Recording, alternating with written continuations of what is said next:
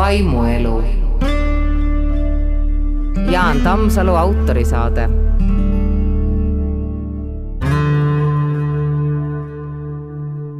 head kuulajad, mulle tundub, et nüüd nad pistavad mind taskusse, lasevad mind seal häälitseda siis, kui nemad tahavad, no need teised kuulajad, need paljud või vähesed, vaimulik taskuhäälingus podcastis, pastor podcastis, vahva ju.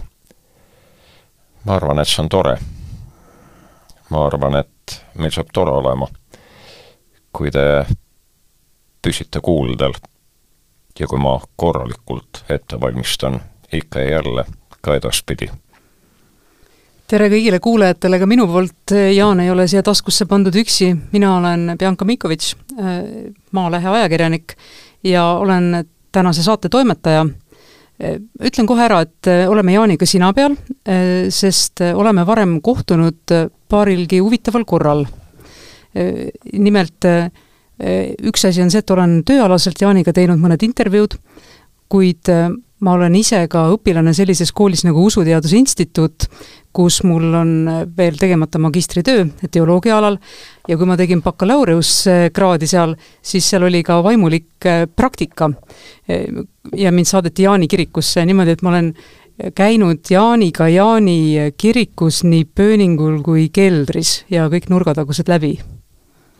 nii see tõepoolest oli, ma mäletan sind väga eredalt ja hästi. mõned jäävad hästi meelde aga lähme saate juurde. ma küsiks selle spordireporteri küsimuse, Jaan, mis tunne on? praegu on juba täiesti tore. salvestus on käima läinud, kettad keerlevad näiliselt ja, ja tundub, et võib asjagi saada aga no eelnev nädal on olnud kohutav, ikka ja jälle arvuti taha, ikka jälle raamatuid riiulist välja nokkides, ikka jälle tsitaate kuskilt välja kirjutades, teades, et nendest niikuinii suuremat osa sellesse saatesse ei mahuta.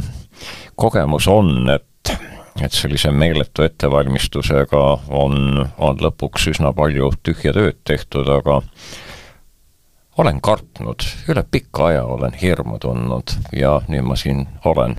nüüd on hirmu nii-öelda kogus vist täis saanud. kas võib öelda, et sa hetkel oled kõige tuntum vaimulik kogu Eestis? Äh, kahjuks küll, jah. ei oleks tahtnud kuidagi olla kõige tuntum selle nurga pealt ja täiesti imestan, et nii palju tähelepanu olen saanud. tuletame kuulajale korraks meelde, et mis seis siis praegusel hetkel sinuga üldse on? No minuga on niisugune seis, et äh, kui ma olen ligi nelikümmend aastat erinevates kirikutes vaimulik olnud, kaasa arvatud ka väga paljudes Jaani kirikutes, kuni Edinburgh'i St Johnini välja Princess Streetil, siis nüüd äkitselt ma ei ole enam Tallinna Jaani koguduse õpetaja, see tähendab siis vastutav õpetaja. Ja ja olen siis vikaarõpetaja praostkonnas ja praost ütleb mulle, kui palju ja mida ma võin teha, et just sain loa kolmeks ristimiseks ja üheks matuseks ja üheks jumalateenistuseks näiteks viimaseks Brüsselis. nii et äh, praegu olen sellises ooterežiimis ja teen, teen mõningaid asju veel. loodetavasti praostile taskuhäälingud väga meeldivad ja leiame ühe kuulaja temagi näol ta on ääretult innovatiivne inimene, Jaak Aus, nii et, et ma olen täiesti veendunud, et ta kuulab huviga ja, ja väga kriitilise meelega. ehk näeme teda ühena saatekülalistest edaspidi? täiesti loogiline ja miks ka mitte peapiiskopi. aga läheme podcasti juurde, vaimuelu. ja selle vaimueluga on üks kummaline lugu, et kui, kui neid äh, asju, mida me nüüd tegema hakkame või mida, mida ma tegema hakkan erinevate saatekülalistega üksinda sai planeeritud, siis mulle öeldi kohe, et see, see pealkirja leidmine on üks kõige raskem töö, et kõik ülejäänud on juba kerge, noh, ma imestasin, mul tuli kohe, kohe tuli üks liitsõna ja kui ma siis liitsõnaga koju jõudsin ja võtsin välja Juhan Viidingu luulekogu, siis enne imet üks luuletus, mis mul on olnud Nõukogude armeest saadik peas, kannab seda pealkirja, aga seda sõna ise ennast ei ole luuletuses sees. nimelt vaimuelu ja see kõlab seal niisiis, et mismoodi on su vaimuseis, ei seisa nagu, kas tõstab pead ükskord meis kui väike tigu, kas tõuseb ta kui päikene, kui lõpeb öö ja olles suur või väikene, teeb vaimse töö või läheb mustaks mure läbi, nii et on tuhat aastat häbi. vaimuelu. luulearmastajad tundsid kindlasti autori ära juba? Juhan Viiding, minu üks, üks Eesti lemmikkirjanikke kindlasti juba noorest peast. ja ma loodan väga, et järgmise saate külaline temast päris kenasti kõnelda oskab sul on juba ajakirjanduslikke oskusi ka, oskad siin põnevust kruttida, aga lähme tänase teema juurde ja ja tänaseks teemaks meil on vaimuelu üks selline tahk, et et mitte kõik inimesed ei ole selles suhtes usuga ühel lainel, et on ka selliseid inimesi, võib-olla kirikus tulnud vaimulikkus üllatab, kes küsivad, et miks me sellest kõigest üldse rääkima peame, kus, kus see Jumal on ja äh, milleks meile täna äh, see teema ja kuidas sa üldse räägid sellisest müstilisest olendist, keda üldse polegi ja tegelikult sina oled ka täna positsioonis, et võiks küsida, et et nelikümmend aastat tööd või mis sa ütlesidki ja nüüd võiks küsida, et kus su jumal siis on oh,? ma võiksin teda siin ja seal äh, inimestele nii-öelda näidata, mitte küll nii vist, nagu inimesed tahavad. Äh, ma räägiksin vahepeal ühe, ühe loo ühest mehest, kes istub juuksuri töökojas toolis ja jutt läheb Jumalale.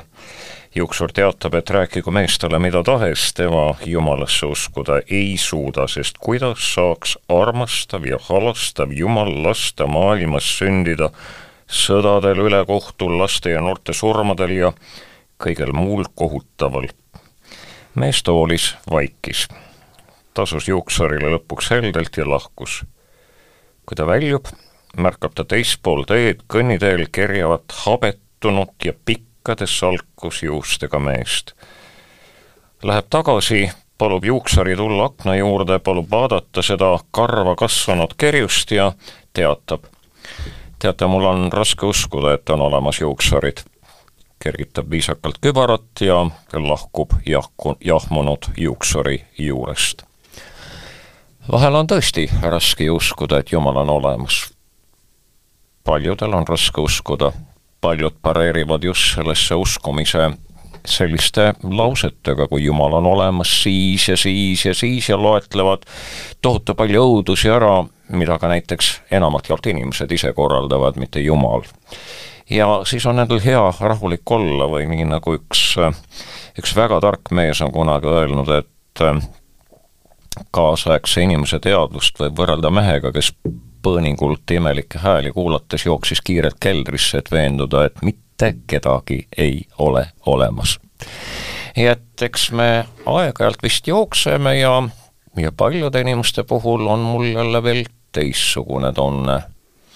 see oli üks Nobeli preemia laureaat, kes äh, küsimusele, kas ta on religioosne, kas ta usub Jumalat, ohkas ja ütles, et ei ole talle ei ole seda andi antud, aga ta kadestab neid inimesi, kes on ja kes tänu sellele, et nad on sügavalt usklikud, lähevad näiteks kannatustest, valudest, kurbusest kergemini läbi, nii on tal tunne. ta kadestab neid nii, nagu ta kadestab inimesi, kellel on absoluutne kuulmine või ja nii edasi. ta ta veeretas selle nagu Jumala kaela tagasi ja piiblist võib tihtipeale ka lugeda seda, et eks see usk ongi üks Jumala and, aga seda andi võib taotleda, taotlege ande, näiteks ka seda andi.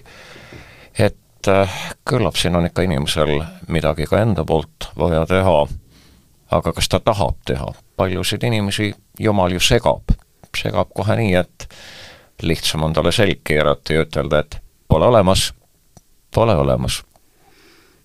ma arvan, et ma olen võrdselt kuulnud kahte äh, sellist ütlust, et et äh, kirikusse lähevad inimesed, kes on ise nii nõrgad, et mujalt abi ei leia, ja ka, et äh, kirikust lähevad ära pettunud inimesed, kes ei ole sealt abi leidnud.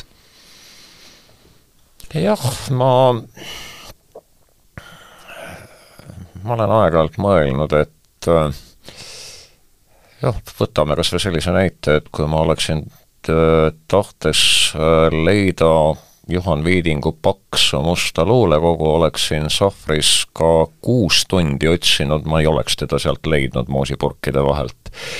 ma ei taha öelda, et kirikust aeg-ajalt ei leia Jumalat, kuigi võib-olla tahan ka aeg-ajalt mul on tunne, et see, kellest mõnes kirikus räägitakse, päris Jumal ei olegi.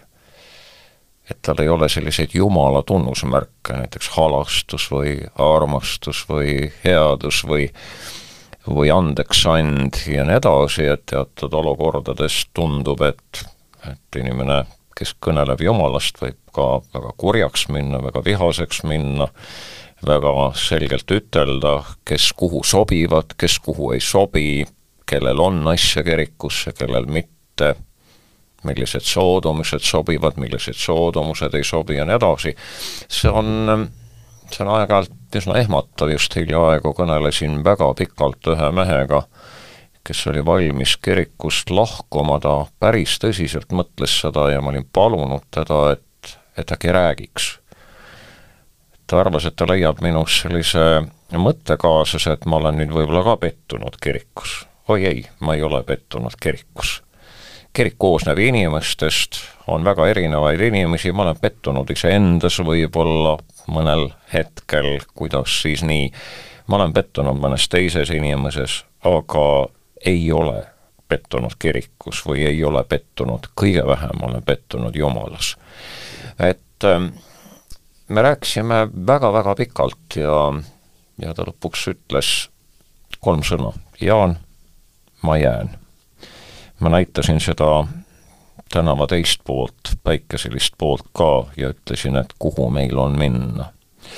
Uku Maasingul on üks äh, ääretult ilus luulet, jutus Jeesus hõbedaste silmadega on see või ususti millestki muust, umbes vist selline oli selle pealkiri ja ja seal on üks äh, kalapoeg, kes jääb kuivale ja, ja siis Jeesus hõbedaste silmadega, nii Maasing teda kujutab, mees, kes oskas kuutekümmend võõrkeelt ja maalis ja joonistas ja, ja kirjutas ajaloolisi asju ja tohutult palju. aga nüüd selle luuletuse juurde, et seal on üks jah, hetk, kus äh, kalapoeg on jäänud kuivale, Jeesus tuleb, võtab ta oma pihku ja kannab teda siis vette. ja kalapoeg ütleb talle, su peost ma enam minnagi ei taha. Olen tõlkinud ühe Iiri õnnistussoovi, mis lõpetanud selle sõnadega ja kuni me kohtume taas, hoidku sind Jumal oma peopesa kumeruses, aga see kalapoeg ütleb, su peost ma enam minnagi ei taha, olgu seal pealegi vesi, aga see peo on nii hea. Ja, ja ma usun, et äh, paljudel inimestel ongi see kogemus, mis on ka minul ja mida ma ka sellele mehele või sellele inimesele, tol korral pettunud inimesele ütlesin, et et kuhu meil siis minna on, kust me leiame seda lohutust ja kinnitust ja, ja, ja julgustust ja nii edasi, et pettumus mõnes inimeses ei peaks viima pettumuseni Jumalas. et, et me võiksime nad ikkagi omavahel ära lahutada, et, et äh, ilmeksimatust ei anna ka näiteks ordinatsioon. minule pole andnud ja, ja ma isegi arvan, et ei anna paavstile aga siin me räägime juba teisest asjast, me oleme natukene libisenud äh, sinna, et kuidas, kuidas me teame, et see Jumal, kellest me siin räägime, et tema on ja tal on sõnaõigus ja et ta tänasel päevalgi midagi toimetab. Mi-, mis sinule seda kindlust üldse annab? kust oled sa selle võtnud?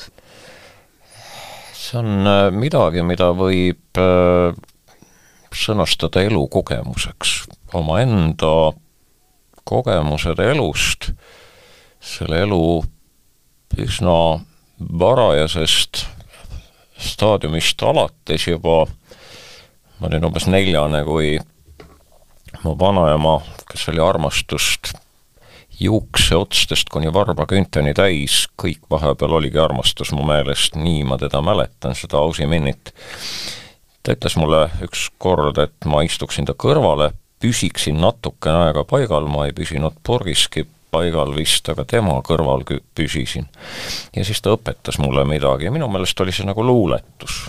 ja hiljem tuli välja, et see oli ikkagi palve, õhtupalve ja ta ütles, et seda võib kunagi tarvis minna. nii ma mäletan seda. ja siis ma olin Ukrainas keset ööd, äratati meid üles, käsiti neljakümne sekundiga riietuda, siis anti automaadid kätte, unistena kõikusime seal revis ja meile ütles üks purjus relvaga vehkiv ohvitser, et Afganistanis algas sõda ja me läheme. Ta oli nii innustunud sellest, et me nüüd läheme, mina küll ei innustunud, ma olin hirmul, nagu enne saadet. ja, ja siis ma leidsin ennast üsna kiiresti Sanchestist ja lõpuks siis ka Lvivi sõjaväekeskhaiglast. seal leiti, et ma olen ehitaja ja mu peavalu on ammu möödas, aga nad ei taha mind ära saata sinna Afganistani poole teele, hoidsid endale ja, ja panid mind plaatima operatsiooniblokke ja, ja sealt ma leidsin ühe mehe, kellel oli piibel ja palju usulist kirjandust ja kes oli õppinud minuga samas koolis Tallinna Ehitusmehaanikatehnikуmis ja selle ilmaga koos hakkasime siis lugema.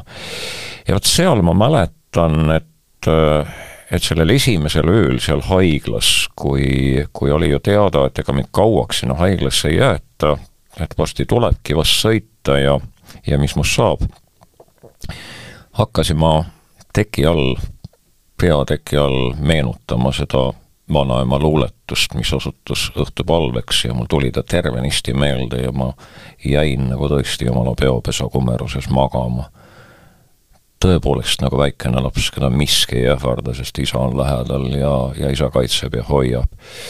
ja neid kogemusi on elus nii palju olnud, kus sa tunned, et sind kantakse läbi, sind hoitakse isegi selliseid kogemusi, kus ümberringi inimesed on noh, tõeliselt paanikas ja sina naerad ja sulle karjutakse näkku, et mida sa naerad, olukord on tõeliselt tõsine, kas sa aru ei saa või oled sa laksu all. ja siin ikka muheled ja mõtled, et, et kui kurat nüüd nõnda mõllab, et siis tahaks küll näha, mida Jumalal nüüd järgmiseks on öelda, sest ma tunnen teda kui armastust ja kõige väelist Jumalat ikka ja jälle need omaenda isiklikud kogemused läbikandmisest, täiesti üllatavate lahenduste andmisest, mida kuidagi ei oska mingisuguse loogikaga ette, ette näha. ta on niivõrd leidlik, niivõrd põnev, et, et kindlasti sealt. ja, ja teine asi on see, et et need teised inimesed, need teised inimesed, kellel on analoogseid kogemusi, need teised inimesed, kes oma elus sulle kõnelevad, mul on kombeks hästi palju inimestega kõnelda. ma ei armasta väga ekraane vaadata, ma armastan inimesi vaadata ja, ja kuulata. muide, Kanadas olles söödeti mind seetõttu väga paksuks jube kiiresti, sest äh, väliseestlased said aru kümne kuu jooksul väga kiirelt, et ma kuulen hea meelega, mida nemad mulle räägivad ja nii nii nad üksteise võidu mind külla kutsusid, aga alati oli kahe kuni kolmekäiguline õhtusöök või lõuna või alates Romandoist kuni, kuni teiste toredate eestlasteni ja mulle meeldib kuulata inimeste lugusid ja seal on nii palju sellist, mis, mis paneb äh, mõtlema tänulikult Jumala peale.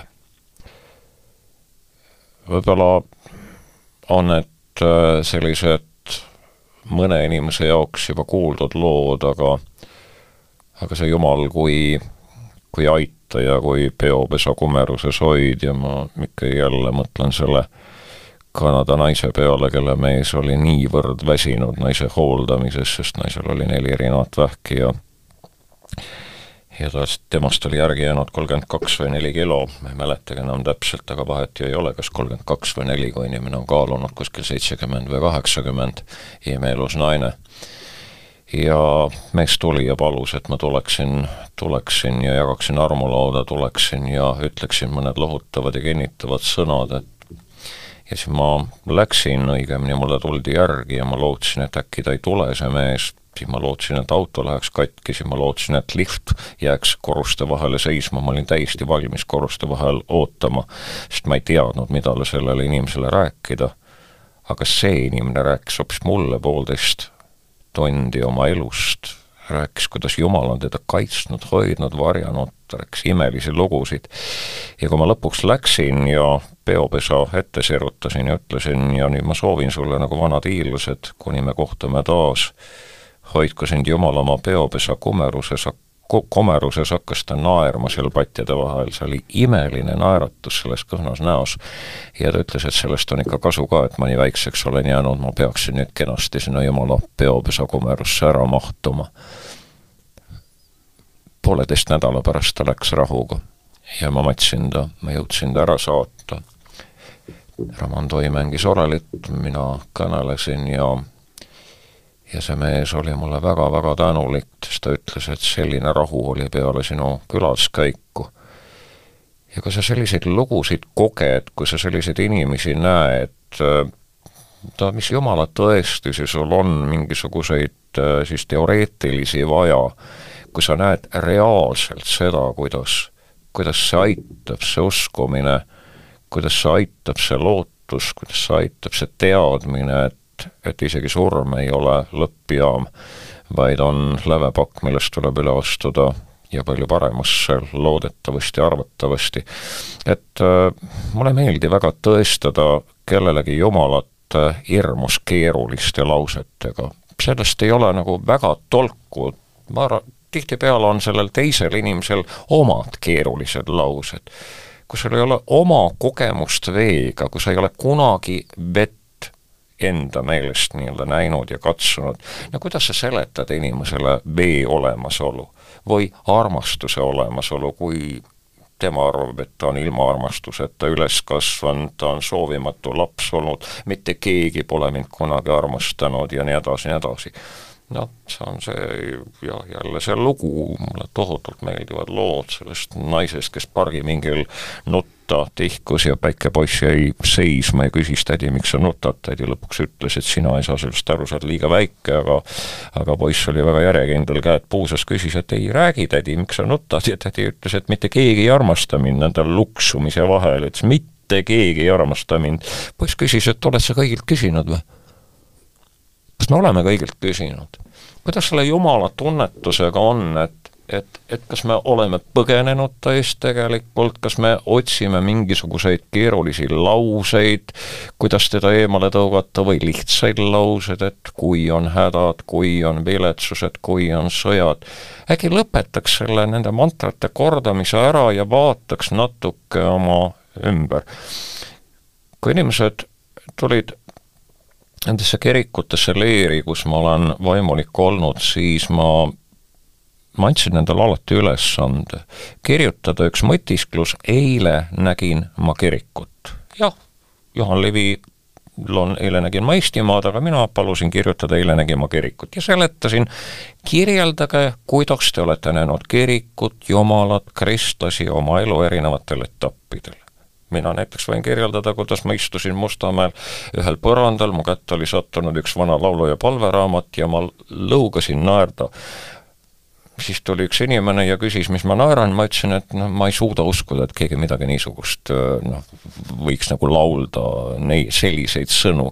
minu jaoks jah, ma olin seda õhtupalvet küll ja nii edasi, aga aga see siiski tundus nii veider, mida nad seal kirikus teevad, kuidas nad kõnelevad, milliste sõnadega nad laulavad, kuidas nad selliseid veni, venitusi teevad, nagu piiskop Jering kunagi Karja kirik kirikus visitatsiooni järgi kirjutas, ma pidin kogudust manitsema ulgumise pärast jumalateenistuse lauldavates osades. ja kohati mõnda kirikusse minnes võib ju tundudagi nii. mulle jälle, ma mäletan väga hästi, kuidas ma vabandust, nüüd ma ütlen koha nime, et Reimanni kirik, kus äh, püüdsin siis kogudusega laulda. no igaüks omal viisil ju nad siis nõnda saidki aru sellest, et tulebki nii nagu kirjas omal viisil, kuidas see on, seda kunagi räägime, miks see omal viisil on kirjas. ja siis äkki hakkas väljast kõle, kõlama Jumal sul ligemal neljahäälselt. ma läksin sinna hiljem välja ja neli peaaegu et purupurjus keskealist meest olid moodustanud koori, sest nad kuulsid vist, mida seal sees tehti. ja nad hak-, ja, ja nad olid suurepärase lauluoskusega inimesed. kunagi hiljem ühte nendest kohtasin ühel matusel ja me rääkisime, ta oli täiesti kaine ja adekvaatne siis. lauldes kutis. aga see oli nii imeline, kuidas kui, kui absurdne see võib olla vahel, et et sul on ühes kohas on selline ulgumise pärast jumalateenistuse lauldavates osades tuleks nagu manitseda ja, ja natuke väljaspool on need, kes nagu sisse ei mahu või, või kes arvavad, et nendel pole sinna asja, nad teevad mõnda asja nagu palju paremini, võib-olla aga kas ta kainena oli ka laulumees, on küsimus? oli, oli, oli, ta oli mingis poistekooris Pärnus laulnud ja nii edasi, nii et poiss oli ikka täiesti, täiesti tugev laulumees. et ja neljahäälsed kõik suutsid, mina näiteks ei suuda neljaäälselt laulda, need kolm segavad mind alati, kui me neljaäälselt laulda püüame. ja mind kampa võetakse, võetakse.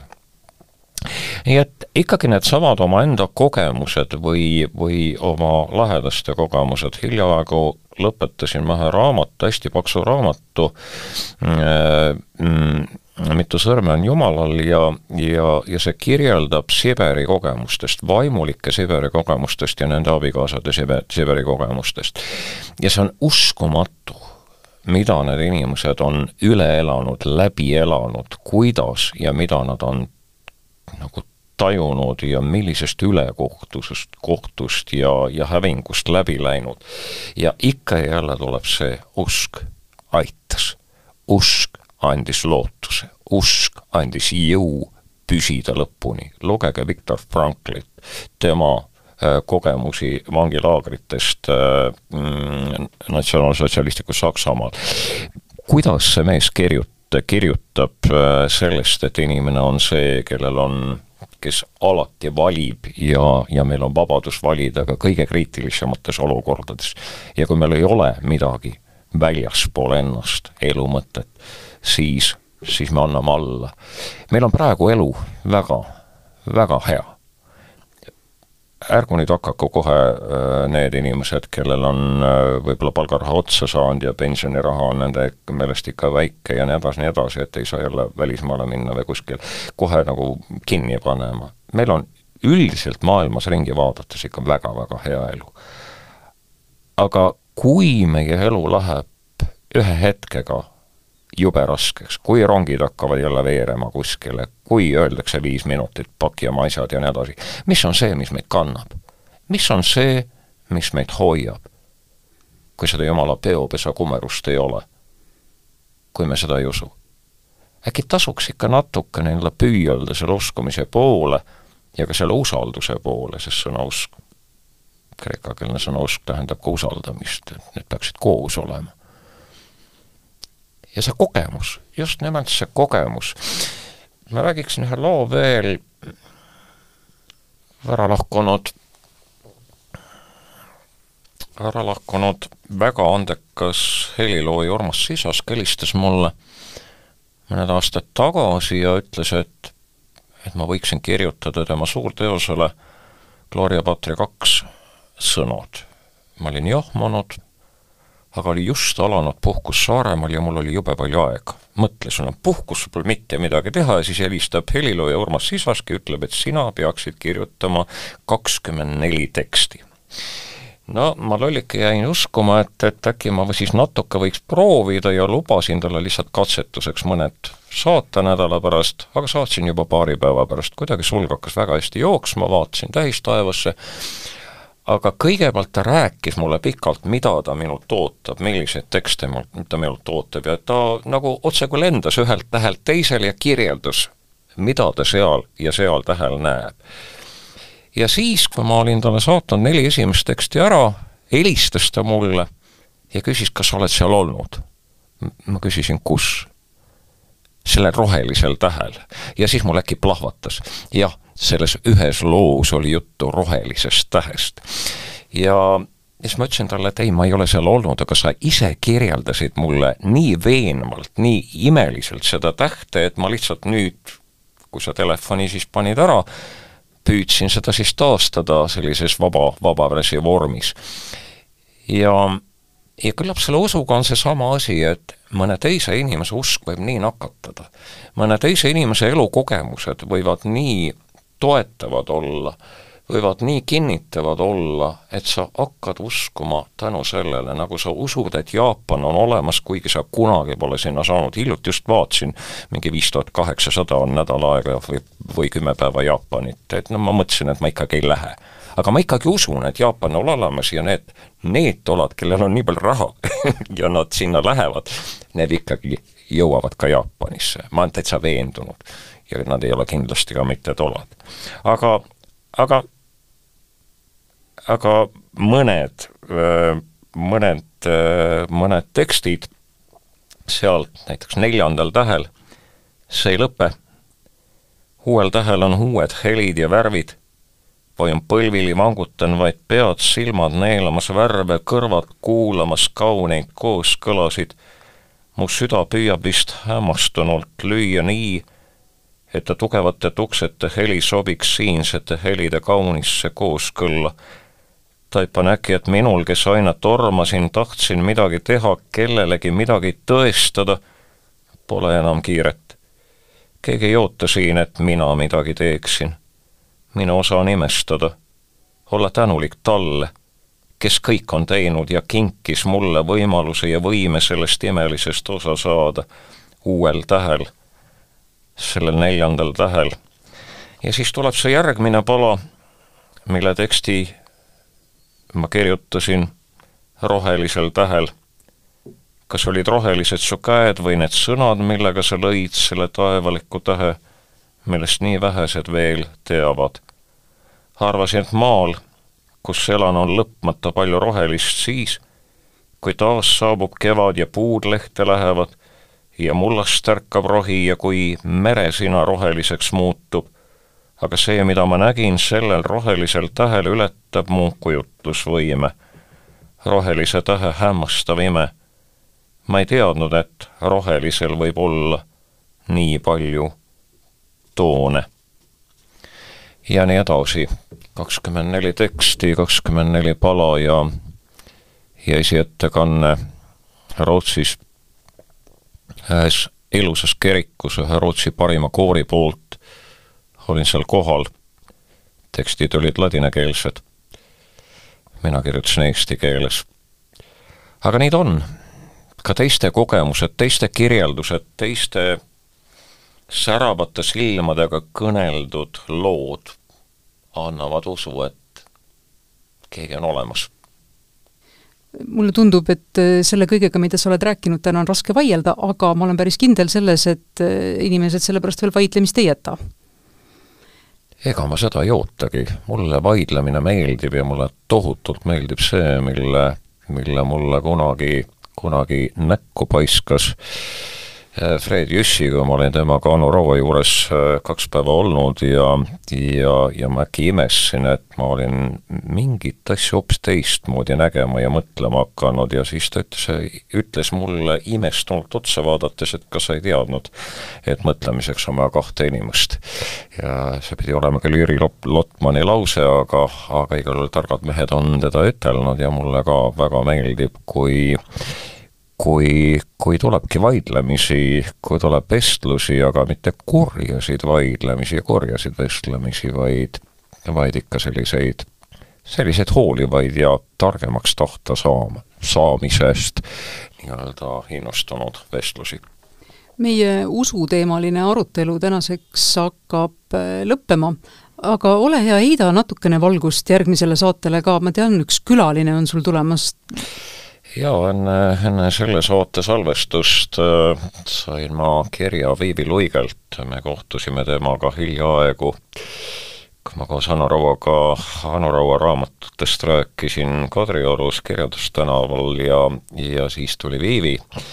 Ja, ja nüüd ta, ta kirjutas mulle, et ta tuleb hea meelega järgmisesse saatesse, räägime siis sellest, kuidas loojad loovad looja abil, teades, et looja on abis. räägime ehk natukene ka sellest Juhan Viid-, Viidingust, kelle, kelle luuletuse pealkiri sai siis ka selle, nende saadete pealkirjaks, sest tema teda ju hästi tundis ja, ja küllap paljust veel, sest oleme temaga mitmetel kordadel vestelnud ja ta on üks lõpmata põneva mõtlemisega inimene. aga tänaseks saateks võiks nagu vanasti öeldi telekaubamees, et, see ei ole veel kõik, midagi on veel tulemas. Ja iga saate lõpus, Jaan, hakkab olema edaspidi sinu mõtisklus.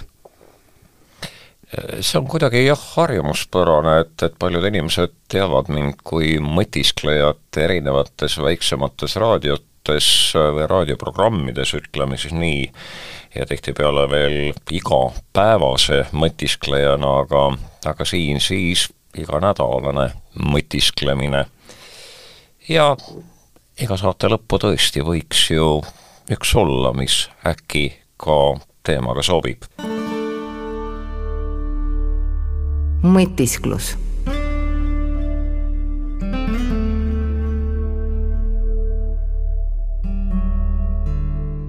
Araabia müstik Saadi on kord jutustanud järgmise loo. mees kõndis läbi metsa ja nägi seal rebast, kes oli kaotanud jalad. mees imestas, kuidas see rebane hinges püsib, kuid siis nägi ta tiigrit, kes tuli rebase juurde saakloom hambus. tiiger sõi esmalt oma kõhu täis aga ülejäänu jättis ta rebasele. ka järgmisel päeval toitis Jumal rebast sellesama tiigri vahendusel. Mees imetles Jumala suuremeelsust ja arutles omaette, minagi otsin enesele puhkuseks rahuliku paiga ja loodan kindlalt selle peale, et hea ja suuremeelne kõikenägev Jumal ka kõigi minu vajaduste eest hoolitseb. nõnda ta toimis, ootas kannatlikult, kuid pikka aega ei juhtunud mitte midagi. kui mees oli juba nälga suremas, kuulis ta häält talle ütlemas. Sina, kes sa kõnnid eksiteel, ava oma silmad ja märka tõde. järgi tiigri eeskuju ja lakka jäljendamast jalutut rebast. kas mina märkan, et keegi on läbi kogu mu elu minu eest hoolt kandnud, andnud mulle elu miljardite teistsuguste võimaluste keskel olin just mina see, kellele kingiti elu, inimelu, minu elu. Tema andis mulle võimaluse sündida sellesse aega, sellesse paika, kus mul pole vaja kannatada lakkamatult nälga ja janu, kus abi on paljudes hädades mulle nii lähedal, nii kättesaadav. sain hariduse ja ma tean, et selles maailmas ka täna on see väga paljudele kättesaamatu. mu kõrval on olnud ja küllap on tänagi inimesi, kes minust on hoolinud, hoolivad, aidanud, aitavad, armastanud. miks ma seda kõike nii vähe märkan? miks ei ole ma selle eest tänulik, miks ma ei taha seda endale tunnistada, et mul on nii palju põhjust olla tänulik selle eest, mis mul on olnud ja mis mul on, ja nende imeliste tõotuste eest, mida Jumal on tõotanud neile, kes, kes armastavad. Miks paljudele meist meeldib end aeg-ajalt haletseda, endale valetada, miks sulgeme silmad, kõrvad ja südame ja unustame kõik hea ja mõtleme oma elu haledaks, pilviseks, lootusetuks. nii on Jumal armastanud maailma, ka mind selle maailma üht osa, et ta on andnud oma ainusündinud poja, et meil oleks igavene elu. ja seda ei saa keegi olematuks muuta. nii lõpmata palju, nii piiritult on Jumal mind ja sind armastanud. tema on kandnud ja kannab hoolt meie eest. andestab eksinuile, annab jõudu väsinuile, lohutab leinajaid, kingib lootust, kui me vaid laseme ta enda ligi kui me ei sulge silmi, ei kata kõrvu, ei tee kõvaks oma südant, nii palju on sellist meie ümber, milles Jumal ütleb meile, see on sulle, palun võta see vastu. Tunne rõõmu, ela elusamat elu, tänuliku inimese elusamat elu, enda elu. ära uuri silte, vala endasse sisu, lõppematu armastuse sillerdavat sisu ja hoolitse, armasta, kingi kas või naeratus, hea sõna, tunnustus neile, kes ehk arvavad nii, nii nagu see naine, kellest ma kõnelesin täna, et neid ei armasta keegi. Ära kujuta end jalutuks rebaseks järgi tiigri eeskuju. eriline eriklass helistas mulle oma elu lõpuosas sageli ja me rääkisime. ka tema juures kodus ja politseipargis tema nimelise pingi avamisel. iga kord, kui me oma vestlused lõpetasime, soovisin talle ole hoitud. oma viimase raadiointervjuu lõpus ütles ta, et kuulajad vaataksid, kui palju on ilu, kui palju on õnnistust ja lõpuks soovis ka tema, olge hoitud. ja lõpuks mu isa pidas päevikuid oma elu lõpuosas kirjutas ta oma paksud päevikud ümber, ma küsisin, miks isa. ta ütles, et ma ei tahtnud, et minust jääks midagi negatiivset. Ma olin väga kriitiline nendes päevikutes, nendes paksudes päevikutes, aga nüüd olen aru saanud, et ma olen ise teinud palju vigu. ja ma kirjutasin need päevikud ümber. aga kõige olulisem on see, mida ta kirjutas oma päeviku viimase lausena, väga väriseva käega, väga viletsa mehena. elu on ilus. jah, elu on ilus ja me oleme hoitud, kui me vaid märkame, taipame, me oleme hoitud, meile on palju antud ja see, kes taipab, kui palju ta on saanud ja saab, suudab tänulikuna teha head, kinkida armastust, jagada Jumala lõputust rikkusest, mida tema on kinkinud meile. ja see ei lõppe jagades, see lõpeb endale hoides. ilusat jagamist. vaimuelu